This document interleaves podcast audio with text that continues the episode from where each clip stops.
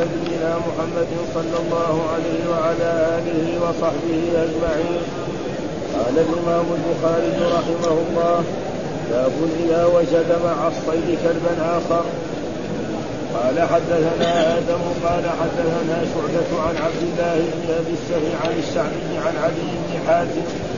قال قلت يا رسول الله إني أصل كلبي وأسمي فقال النبي صلى الله عليه وسلم إذا أرسلت كلبك وسميت فأخذ فقتل فأكل فلا تكن فإنما أمسك على نفسه قلت إني أرسل كلبي أجد معه كلبا آخر لا أدري أيهما أخذ. فقال لا تأكل فإنما سميت على كلبك ولم تسم على غيره. وسألته عن صيد المعراض. فقال إذا أصلت بحده فكل وإذا أصلت بعرضه فقتل فإنه وقيل فإنه وقيل فلا تأكل. باب ما جاء في التصيد قال حدثني محمد قال أخبرني ابن فضيل عن بيان عن عامر عن عدي بن حاتم رضي الله عنه قال سألت رسول الله صلى الله عليه وسلم فقلت أنا قوم نتصيد بهذه الكلاب فقال إذا أرسلت إذا أرسلت كلابك المعلمة وذكرت اسم الله فكل فكل مما أمسكن عليه إلا أن يأكل الكلب فلا تأكل. فإني أخاف أن يكون إنما أمسك على نفسه وإن خالطها كلب من غيرها فلا تأكل. قال حدثنا أبو عاصم عن حيوة بن شريح وحدثني أحمد بن أبي رجاء قال حدثنا سلمة بن سليمان عن ابن المبارك عن حيوة بن شريح قال سمعت ربيعة بن يزيد بن شقيق قال أخبرني أبو إدريس عائل الله قال سمعت أبا ثعلبة الخشني رضي الله عنه يقول أتيت رسول الله صلى الله عليه وسلم فقلت يا رسول الله إنا بأرض قوم أهل الكتاب نقول في آنيتهم وأرض صيد أصيد بقوسي وأصيد بكلب معلم والذي ليس معلما فأخبرني ما الذي يحل لنا من ذلك. فقال أما ما ذكرت من أنك بأرض قوم أهل الكتاب تقول في آنيتهم فإن وجدتم غير آنيتهم فلا تأكلوا فيها وإن لم تجدوا فاغسلوها ثم كلوا فيها. واما ما ذكرت من أنك بأرض صيد فما صدت بقوس فاذكر اسم الله ثم كل وما صدت بكلبك المعلم فاذكر اسم الله ثم كل وما صدت بكلبك الذي ليس معلما فأدركت زكاته فكل قال حدثنا مسدد قال حدثنا يحيى عن شعبة قال حدثني هشام بن زيد عن أنس بن مالك رضي الله عنه قال أنفشنا أرنبا بمر الظهران فسعوا عليها حتى لغبوا. فسعيت عليها حتى أخذتها فجئت بها إلى أبي طلحة. فبعث إلي النبي صلى الله فبعث إلى النبي صلى الله عليه وسلم بولكيها أو فخذيها فقبله. قال حدثنا إسماعيل قال حدثني مالك عن أبي النضر مولى عمر بن عبيد الله عن نافع مولى أبي قتادة عن أبي قتادة أنه كان مع رسول الله صلى الله عليه وسلم حتى إذا كان ببعض طريق مكة تخلف مع أصحاب له مسلمين وهو وهو مسلم فرأى حمارا وحشيا فاستوى على فرسه. ثم سأل أصحابه أن يناولوه شوطا فأبوا. فسألهم رمحه فأبوا. فأخذه ثم سد على الحمار فقتله فقتله فأكل منه بعض أصحاب رسول الله صلى الله عليه وسلم وأتى بعضهم.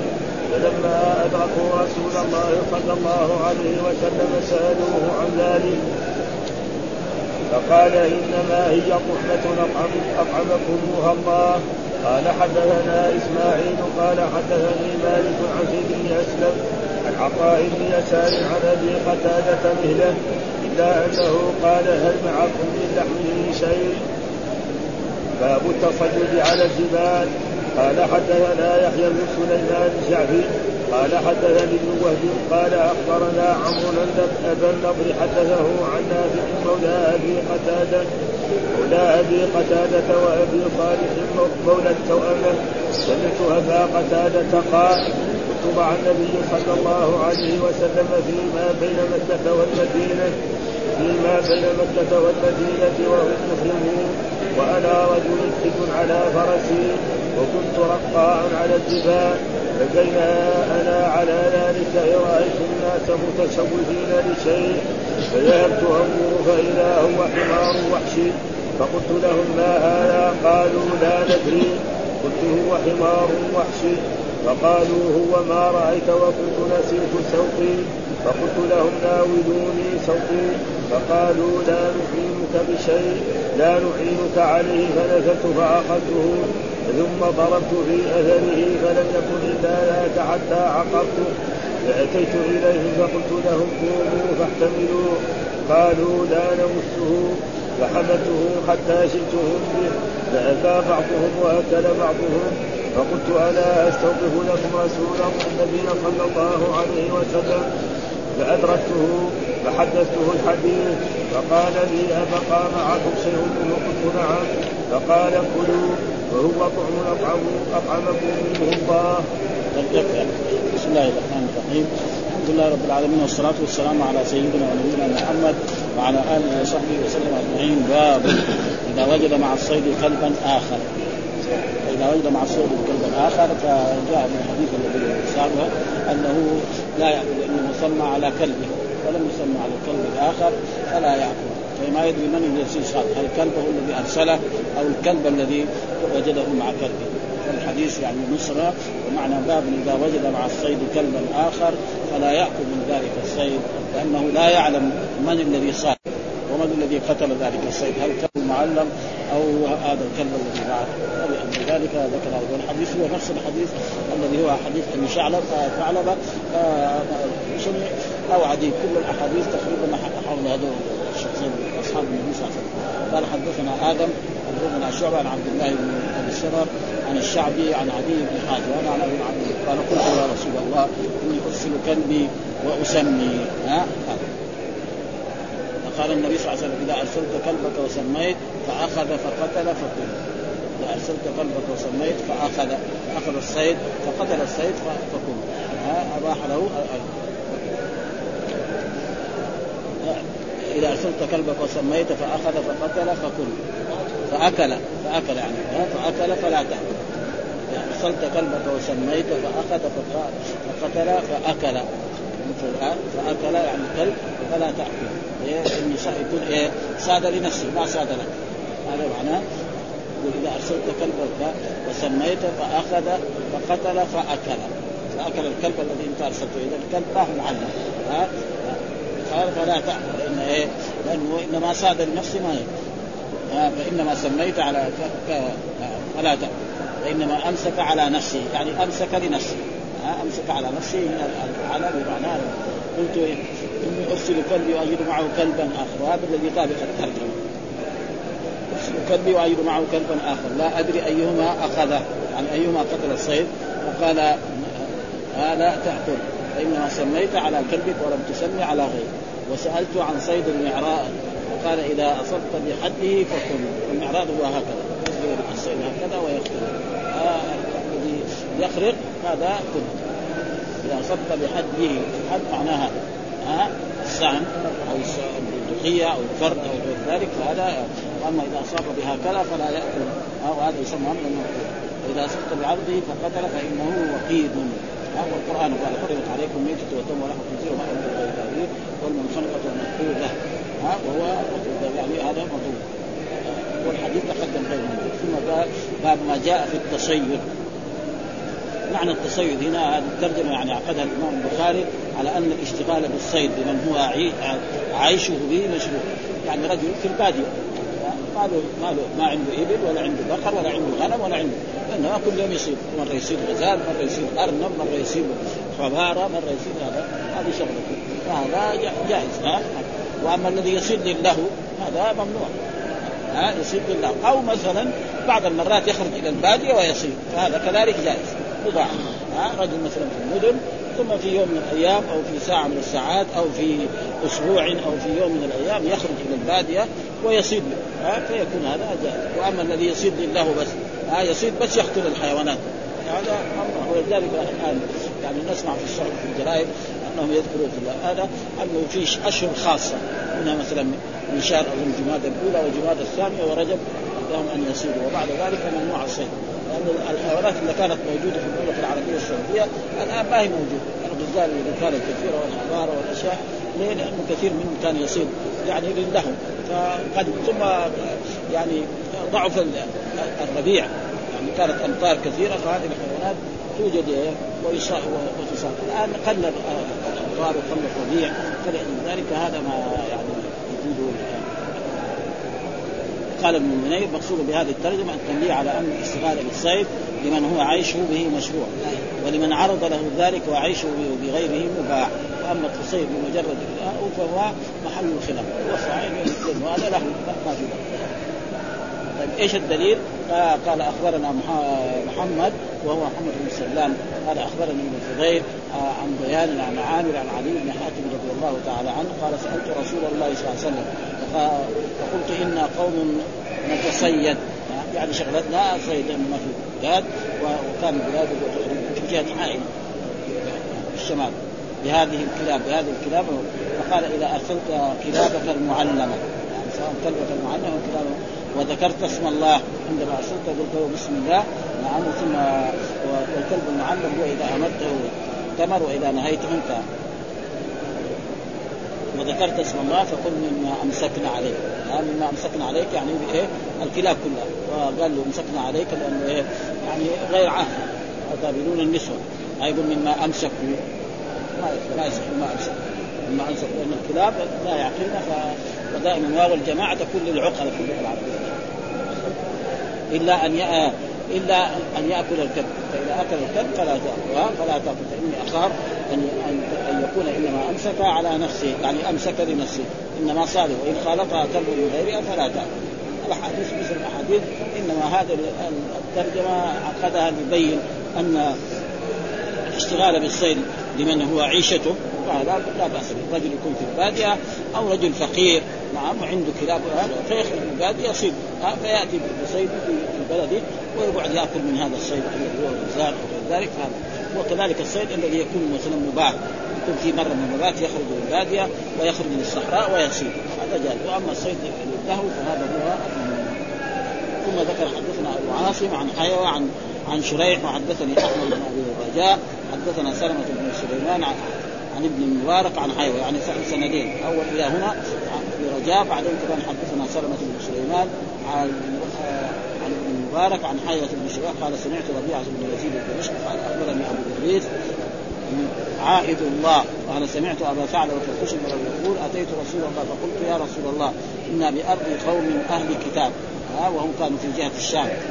وكثير من العرب لما سكنوا أهل الشام يعني الاساسنه وغير ذلك تنصروا أنا أكل في آنيتهم هذا بعد ما أسلموا. أنا أكل في آنيتهم وأرض صيد أصيد بقوسي وأصيد بكلبي المعلم يعني هل نأكل في آنية أهل الكتاب؟ مع أن أهل الكتاب معروف أنهم يشربون الخمر.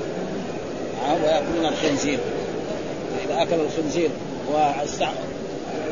وأخذنا انيته استعرنا من انيه كانوا جيران فهل نأكل في آنيتهم؟ فالرسول أخبرنا. قال إذا وجدتم غيرها فلا تأكلوا. وإذا لم تجدوا غيرها فاغسلوها وكلوا. وهذا الغسل يعني تقريبا الظاهر على وجه الندب والاستحباب لأنه أصل الأشياء الطهارة.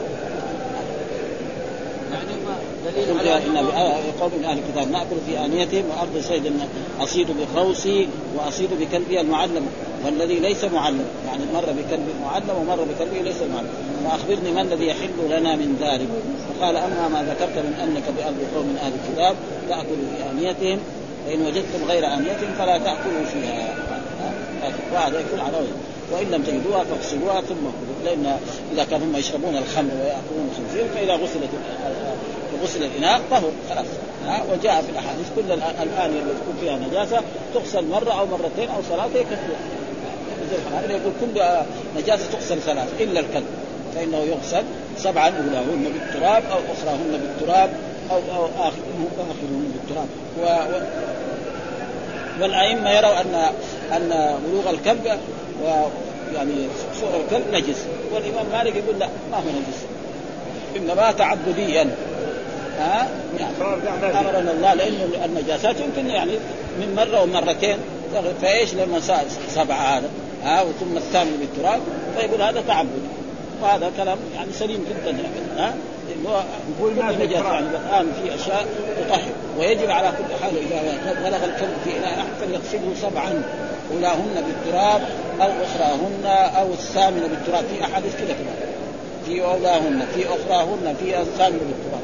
والتراب هذا يريد المطلوبات معلوم أن الكلب يعني وتقدم لنا هناك أن الكلب إذا صاد الصيد يعني محل فمه.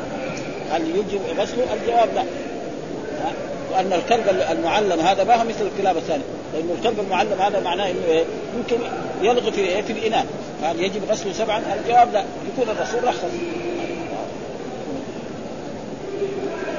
وما ذكرت من انك لارض صيد صدت بقوسك فاذكر اسم الله ثم كن فاذا كنت اسم الله وما صدت لكلبك المعلم فاذكر اسم الله عليه ثم وما صدت لكلبك ليس معلم فادركت زكاته فكن اذا ادركته يعني الكلب غير معلم والمعلم يقول هو الذي يعني اذا امرته يترك واذا نهيته ينتهي ذكر أربع احاديث والاحاديث كلها تقريبا آه ثم ذكر حدثنا مسدد قال حدثنا يحيى عن شعبة قال حدثني هشام بن زيد عن أنس بن مالك رضي الله تعالى أنفجنا ارنبا بمر الظهران فسعوا عليه عليها حتى لغبوا.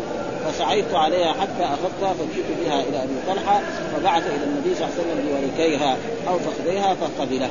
يقول أنفجنا ارنبا يعني أثرناه. أنفجنا ارنب يعني شفنا ارنب ماشي فنجرينا وراه هذا معناه لما يجري وراء الناس هو كمان يجري هذا معناه أثرنا. ارنب معناه أثرنا الأرنب. فلما رأيناه كنا جرينا وراه 10 أنفار خمسة أنفار نريد الصيده فهو كذلك أسرع. ها؟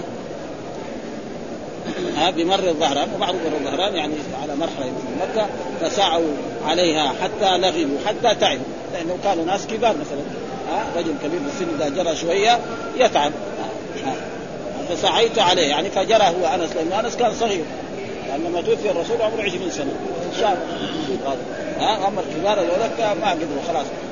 فسعيت عليه. يعني جريت خلفها حتى اخذتها حتى لحقها واخذتها فجئت بها إلى أبي طلحة. أبي طلحة يعني زوج أمه. ها فطلحه إيش معنى؟ ذبحها ثم بعد ذلك شواها ثم بعث بها إلى النبي صلى الله عليه وسلم بوركيها. معنى البركين والفخذ فقبله وجاء في بعض الروايات أنه أكل منه وفي بعض الروايات أنه لم يأكل.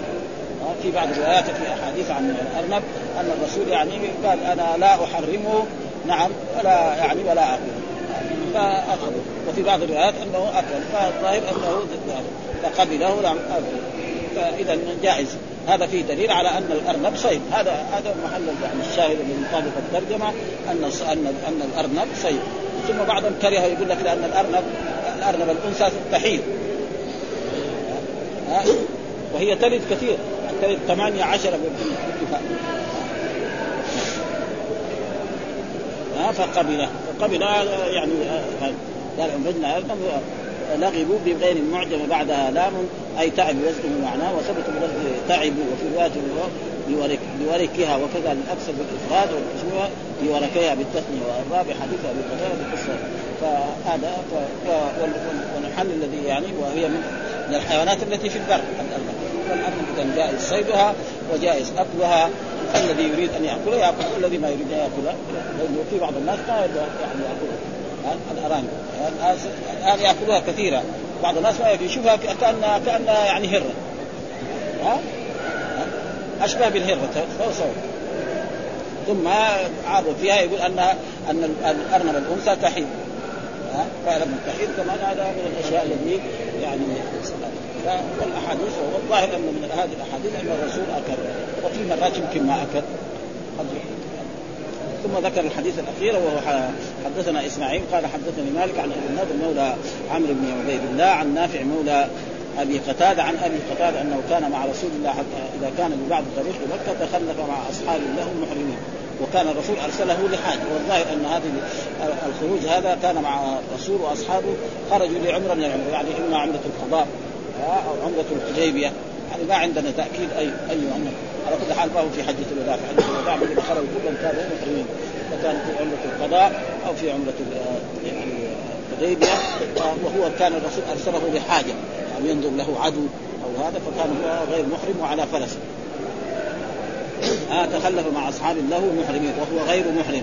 فرأى حمارا وحشيا فاستوى على بركه راى يعني هو آه هذا حمارا وحشيا فاستوى على فرسه يعني على على فرسه استوى هنا بمعنى على. وهذا هو تقريبا الاستواء هذا هو المعنى. ليس استولى على فرس ثم سأل أصحابه أن يناولوه صوتا. الصوت اذا تركوا الأرض فابوا لانهم كانوا محرمين.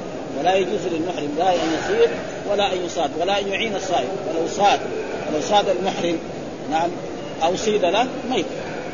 لا يجوز أكله لا له ولا لغيره. حكمها حكم ميت. كانها كأنها ميتة ماتت. فإذا صاد هو نفسه لا يجوز أن ياكلها هو ولا يأكل غيره. وعليه الجزاء كمان. إذا كان هو هم. وإذا كان الصيد له كذلك لا يأكل هو ولا يأكل لا يأكل هو. هذا صيد له وأما إذا صاد الحلال لنفسه فله أن يأكل كما جاء في هذه الأحاديث فإنه صاد لنفسه. ما أريد يساعدوه بأي شيء من الأشياء. فابوا فسألهم رمحه ها عشان يضرب به فابوا فأخذوا نزل من الفرس اخذ ثم شد على الحمار. يعني إيه؟ يعني أسرع خلف الحمار والمراد بالحمار الحمار الوحشي. المراد من الحمار يعني حمار وحشي لا حمار أهلي أما الحمار الاهلي فالرسول صلى الله عليه وسلم حرم في خيبر. جاء في أحاديث عن رسول الله صلى الله عليه وسلم إن الرسول نهى عن الحمر الأهلية يوم خيبر. فقتله فأكل منه بعض أصحاب رسول الله وأبى بعض يعني البعض لما أتى بالحمار أكل البعض والبعض قالوا كيف نحن نحن محرمون كيف نأكل؟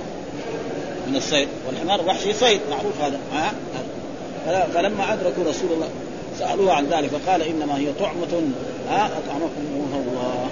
ها ثم في بعض الروايات أن الرسول قال هذا الشيء عندكم قال نعم فناول الرسول صلى الله عليه وسلم فأكل منه. فإذا المحرم إذا صاد هذا لا يؤكل وإذا صيد له كذلك أما إذا صاد الحلال لنفسه محرم أن يكون وليس له أي شيء. برضو الحديث الثاني برضو هو حديث إيه؟ بس باب التصيد على الجبال.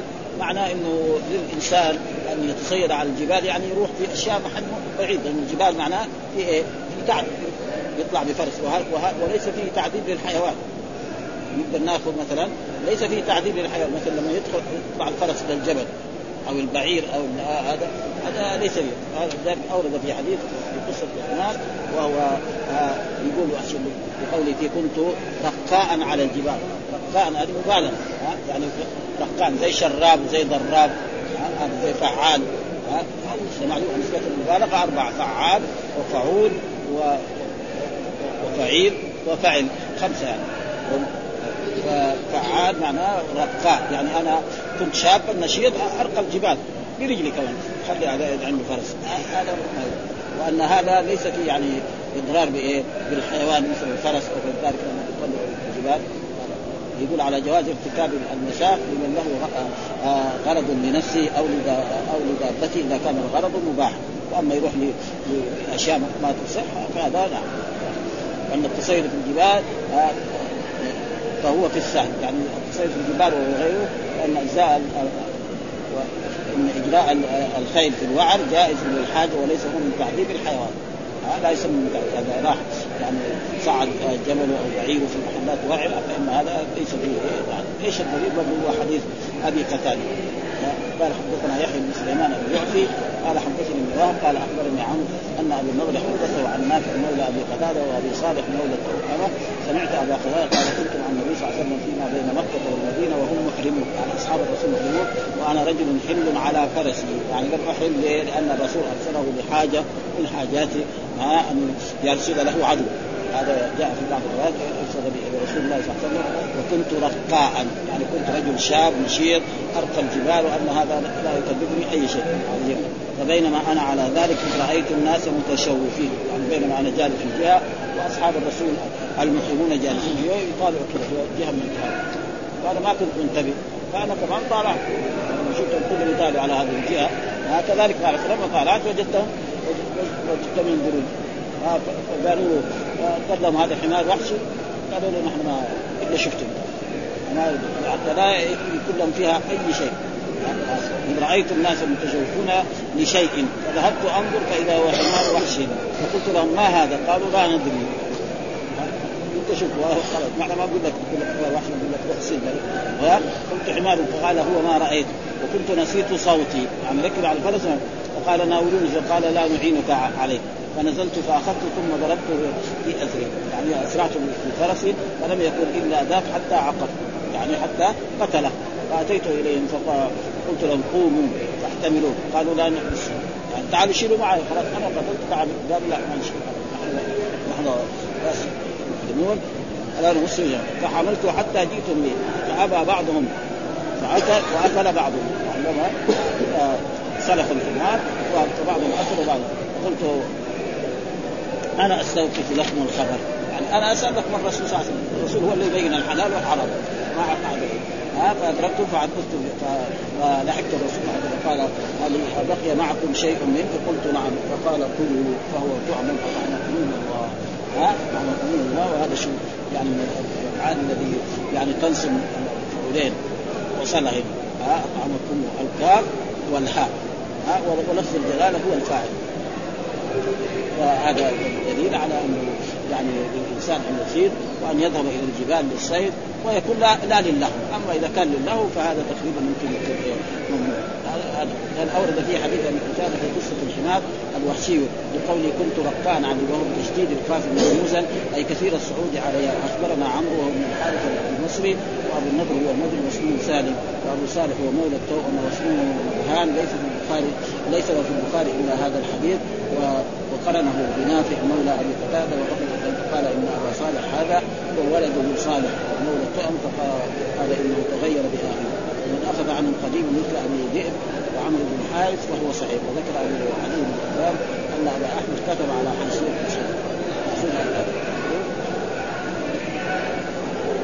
ونبه بهذه الترجمة على جواز ارتكاب الانشاق لمن له غرض لنفسه أو لدابته إذا كان الغرض مباح. أن التصوير في الجبال فهو في السهل.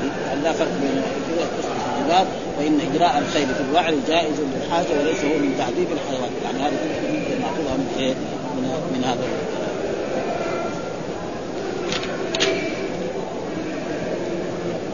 هذا يمكن نقرا بس التراجم الترجمه بس مع المؤنى عليه باب ممكن نعيده يقول باب قول الله عز وجل وحل لكم صيد البحر والطعام والمتاع لكم ذلك وحل صيد صيد البر ما دمتم واتقوا الله من اليه وحل لكم صيد البحر وحل لكم صيد البحر وطعام ومتاع لكم. وحرم عليكم. صيد البر ما صيد البر ما دمتم حرما واتقوا الله الذي إليه تحشرون. قول الله تعالى باب قول الله تعالى أحل لكم. أحل معناه من الفاعل محدود يعني أحل الله لكم أيها المؤمنون أيها صيد البحر. ها صيد البحر لكم أن تصيبوه ها ولو كنتم يعني احرام غير ذلك فهذا حلال. وأما وأما صيد البر فهذا لا يجوز للانسان ان يصيد وهو محدث قال وقال عمر صيده صيده هنا قال أحل لكم صيد البحر. صيده ما اصطيد يعني إيش معنى أحل لكم صيد؟ يعني ما, إيه؟ ما صاده الإنسان بآلة من الآلات أحل لكم صيد البحر. صيد البحر يعني معناه ما صاده الإنسان. يعني يروح يكون عنده شبكة أو ينزل في البحر أو في النهر أو في غير ذلك ويصيد مثلا أي شيء. ايا كان ذلك الصيد. سواء كان سمكا أو كان من الحيوانات. حتى بعضهم قال حتى حتى لو وجد كلب كلب البحر له أن يأكل. وبعضهم قال يعني حرم بعض الاشياء من الصيد. ها يعني وبعضهم قال لا أي شيء أي شيء في البحر حلال. ايا كان. هذا بعدين وطعامه. إيش طعامه؟ فسره يقول قال عمر، عمر من مراد به عمر عمر بن الخطاب. وهنا آه، فطعام ما رؤي وقال أبو بكر. المراد بأبو بكر يقول أبو بكر الصديق رضي الله تعالى. ها؟ الطافي حلال. يعني إذا جاء في البحر ووجد سمك ميت. فوق البحر أو فوق النار. راح يأخذ ويروح ياخذ مع إنه لو وجد شاة أو بقرة أو ناقة أو أي حيوان أو طائر على البحر ما ها؟ فهذا معناه هذا. وقال ابن عباس طعامهم ميتة.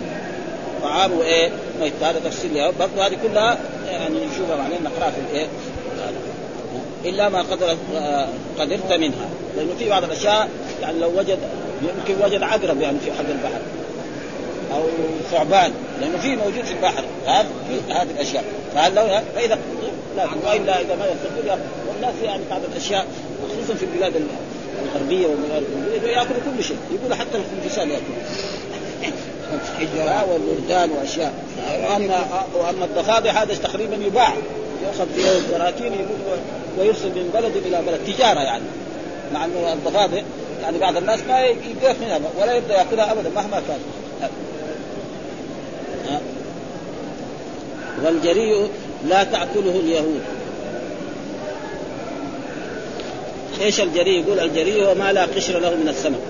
وقال ابن حبيب آه الجريء بفتح الجيم وفي نسخة الكسر وهو ضبط الصحاب وكسر الراء ويقال له أيضا الجريد وهو ما لا قشر له من السمك. وقال ابن حبيب من المالكية أن أكره لأنه يقال إنه من الممسوخ. وقال الزهري الجريت نوع من السمك من السمك يشبه الحيات. نوع من السمك يشبه إيه؟ الحيات. هذا كذلك بعضهم يعني فبعضهم يعني لو وجد ثعبان نعم أو وجد يعني عقرب أو وجد له ان ياكل يعني هذا معنى لا تأكلوا ونحن نأكله. نحن نأكل لأن الله قال أحل لكم صيد البحر وطعام متاع لكم وللسيارة وحرم عليكم صيد البحر. ما دمتم فنحن نأكل. هذا وقال شريح صاحب النبي صاحب النبي صلى الله عليه وسلم كل شيء في البحر مذبوح. ها يعني مذكى زكاه الله. أي شيء تجي سواء كان حي أو ميت. إذا قريته ما يحتاج تزكي ابدا تأكل. لو مات لك أن تأكل. وقال عطاء أما الطير فأرى أن نذبحه يعني لو فرض إنه هناك طير يوجد في البحر أو يخرج مرات من البحر ويرجع إلى البحر لأنه يوجد يمكن هذه الاشياء ان نذبحها وعطاء عطاء بن أبي رباح. وقال إني قلت لعطاء صيد الأنهار وخلات السيد. أصيد أصيد بحر؟ هو قال نعم. صيد الأنهار وقلات السيد.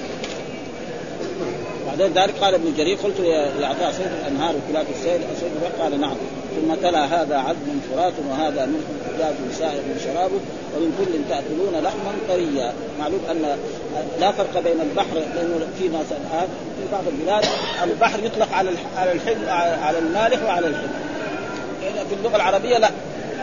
البحر المالح ها والحلو هو الأنهار. لكن بعض البلاد كذا هذا حين يقولوا مثلا في بعض في يقولوا بحر, بحر النيجه مثلا يعني إيه ما حلو ولا لا؟ ها؟ هذا ها؟ فيسموه كذا وكثير من البلدان كذا يسموه لكن هذا لا المالح هو إيش؟ هو البحر والحلو يسمى نهر مثل إيه؟ مثل الفرات ومثل دجله ومثل النيل وغير ذلك في بعض البلاد مثلا في بعض البلاد كثير الأنهار خصوصا شرق اسيا في أوروبا بس البلاد العربية اللي ما فيها الأنهار إلا إيه؟ تقريبا يعني في العراق الجزيرة العربية وركب الحسن على سرد من جلود كلاب الماء. كذلك الحسن بعضهم يقول أن الحسن مراد به الحسن بن علي. أو بعضهم قال انه لكن لما قال علي خلاص. في يقول الإمام الحافظ يقول الحسن بن علي عليه السلام. وإذا قيل عليه السلام معناه يطلق على الحسن بن علي. أما لما يقول الحسن الحسن البصري يعني. قال الحسن بس كذا هذا الحسن البصري من التابعين لكن في بعض الروايات يقول أنه ركب الحسن على والمعلوم الحسن علي بن أبي طالب. على سرد من جلود كلاب الماء. والكلب معروف أنه إيه؟ جلده نجس لا يطهر ابدا. فاذا لكن كلاب الماء آه وقال الشعري الذي هو أحد كذلك التابعين لو أن أهلي أكلوا الضفادع أهلي أكلوا الضفادع أطعمتهم. يعني لو كان فرض أن أهلي يأكلوا الضفادع كان أروح اصيد لهم وأجيب لهم ليه؟ لأنه من البحر ومن الأنهار. هذا معنى. جائز. مع أنه في أحاديث أن الرسول نهى عن قتل الضفادع. احاديث بهذا النص موجودة. ها ليه؟ قال لأنها تسبح الله. لها صوت نتلقى دائما. ما تخليه يمكن بعض الناس في بيركة ورجل يعني ينام يعني نازك ما ينام ابدا. فاطعمته ولم يرى الحسن بالسلحفات بأسا السلحفات كذلك إيه؟ معيات وقال ابن عباس كل من كل من صيد البحر يعني إلى كل من صيد. جاء في بعض من صاد. كل من صاد. نصراني أو يهودي أو مجيد كل يعني لو من صاد في بعض الروايات كذا يعني دحين كل من صيد البحر نصراني. يعني كل من صاد سواء كان نصراني أو يهودي أو مجوسي أو مسلم فحلال له. وقال أبو الدرداء في المري ذبح الخمر التميان التميان والشمس.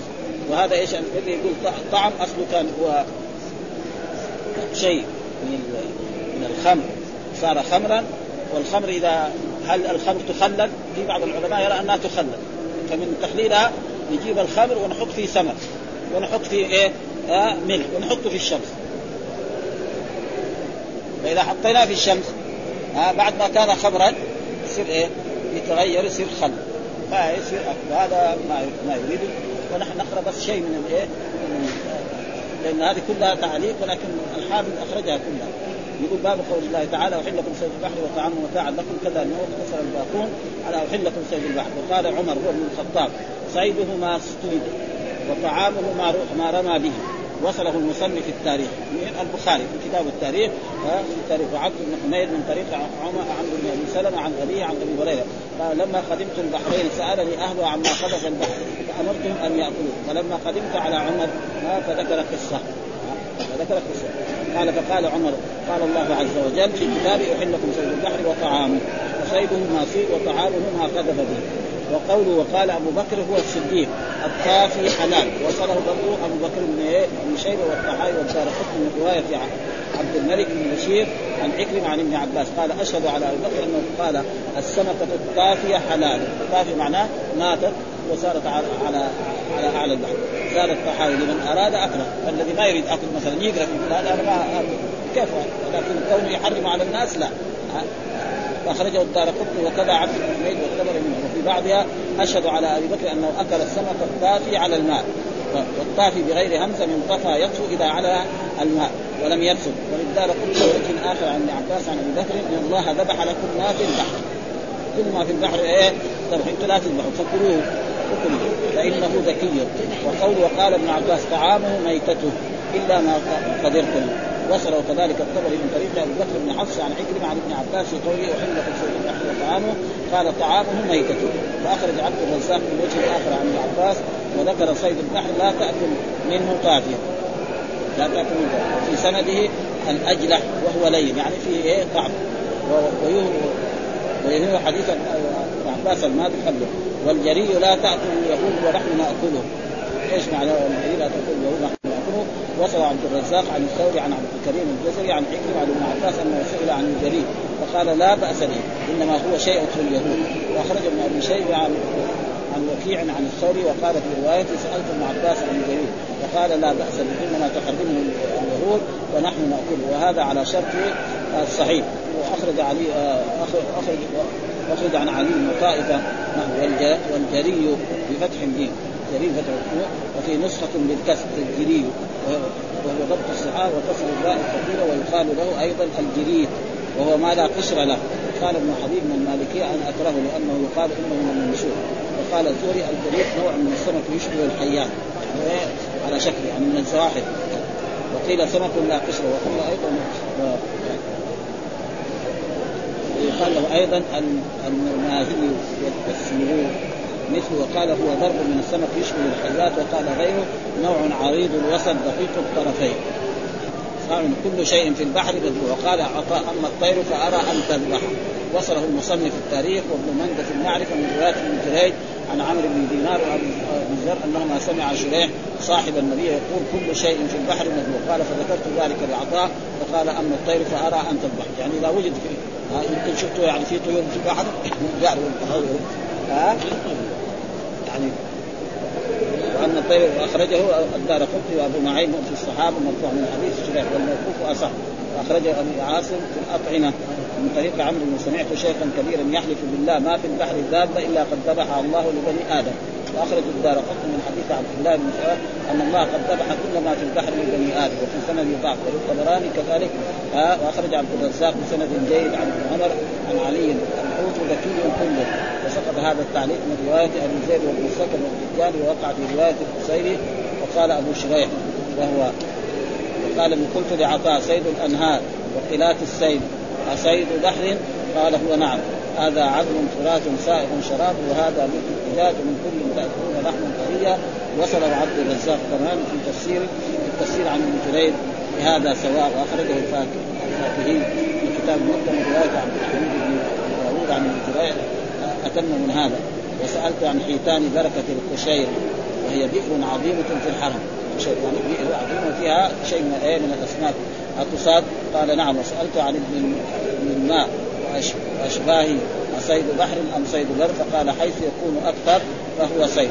واختلاف بكسر القاف وتخفيف اللام وآخره مثنات ووقع في رواية مثلة مثلة الصواب الأول كما قلب بفتح أوله. القاف. مثل إيه؟ بحر وبحار وهو النخرة في الصخرة يستنفع فيها الماء. يعني فيها زي بحيرة في جهات كده فيها حجاب. فيجي ما يجتمع ثم بعد مدة يصير فيها سمك. وهذا موجود يعني في هذا. وركب الحسن على سرد من جنود كلاب الله قال لو أن أهلي أكلوا الضبائع يعني أطعمتم. ولم يرى الحسن بالسلطات اما قول الحسن وقيل إنه ابن علي. وقيل البصري ويؤيد الأول أنه وقع في رواية وركب الحسن عليه السلام. هذاك الحسن البصري ما يدل عليه. على سرد من جنود أي متحد من جلود كلاب الماء. والكلب معروف أنه إيه؟ نجس. جلده لا يطر ابدا يعني أكثر يعني وغادر وكذلك واما قول الضفادع لم يخضع يكون تخضع بيجوز بالضم وبالكسر وبالكسر. يقول تخضع وتخضع وبكسر أيضا وحكى وحكي ضم أوله مع فتح والضفادع بغير عين لغة فيه. ولم يبين الشعب هل تزكى أم لا. أنها تؤثر بغير تذكير منفصله بين ما مأواه الماء وغيره وعن الحنفية الا ان هي تعيش في البر وتعيش في في البحر. أما وصل ابن أبي شيء من طريق طاووس آه عن ابي كان أنه كان لا يرى بأكل السمكات بأسا. الحمد لله رب العالمين وصلى الله وسلم محمد وعلى آله وصحبه وسلم.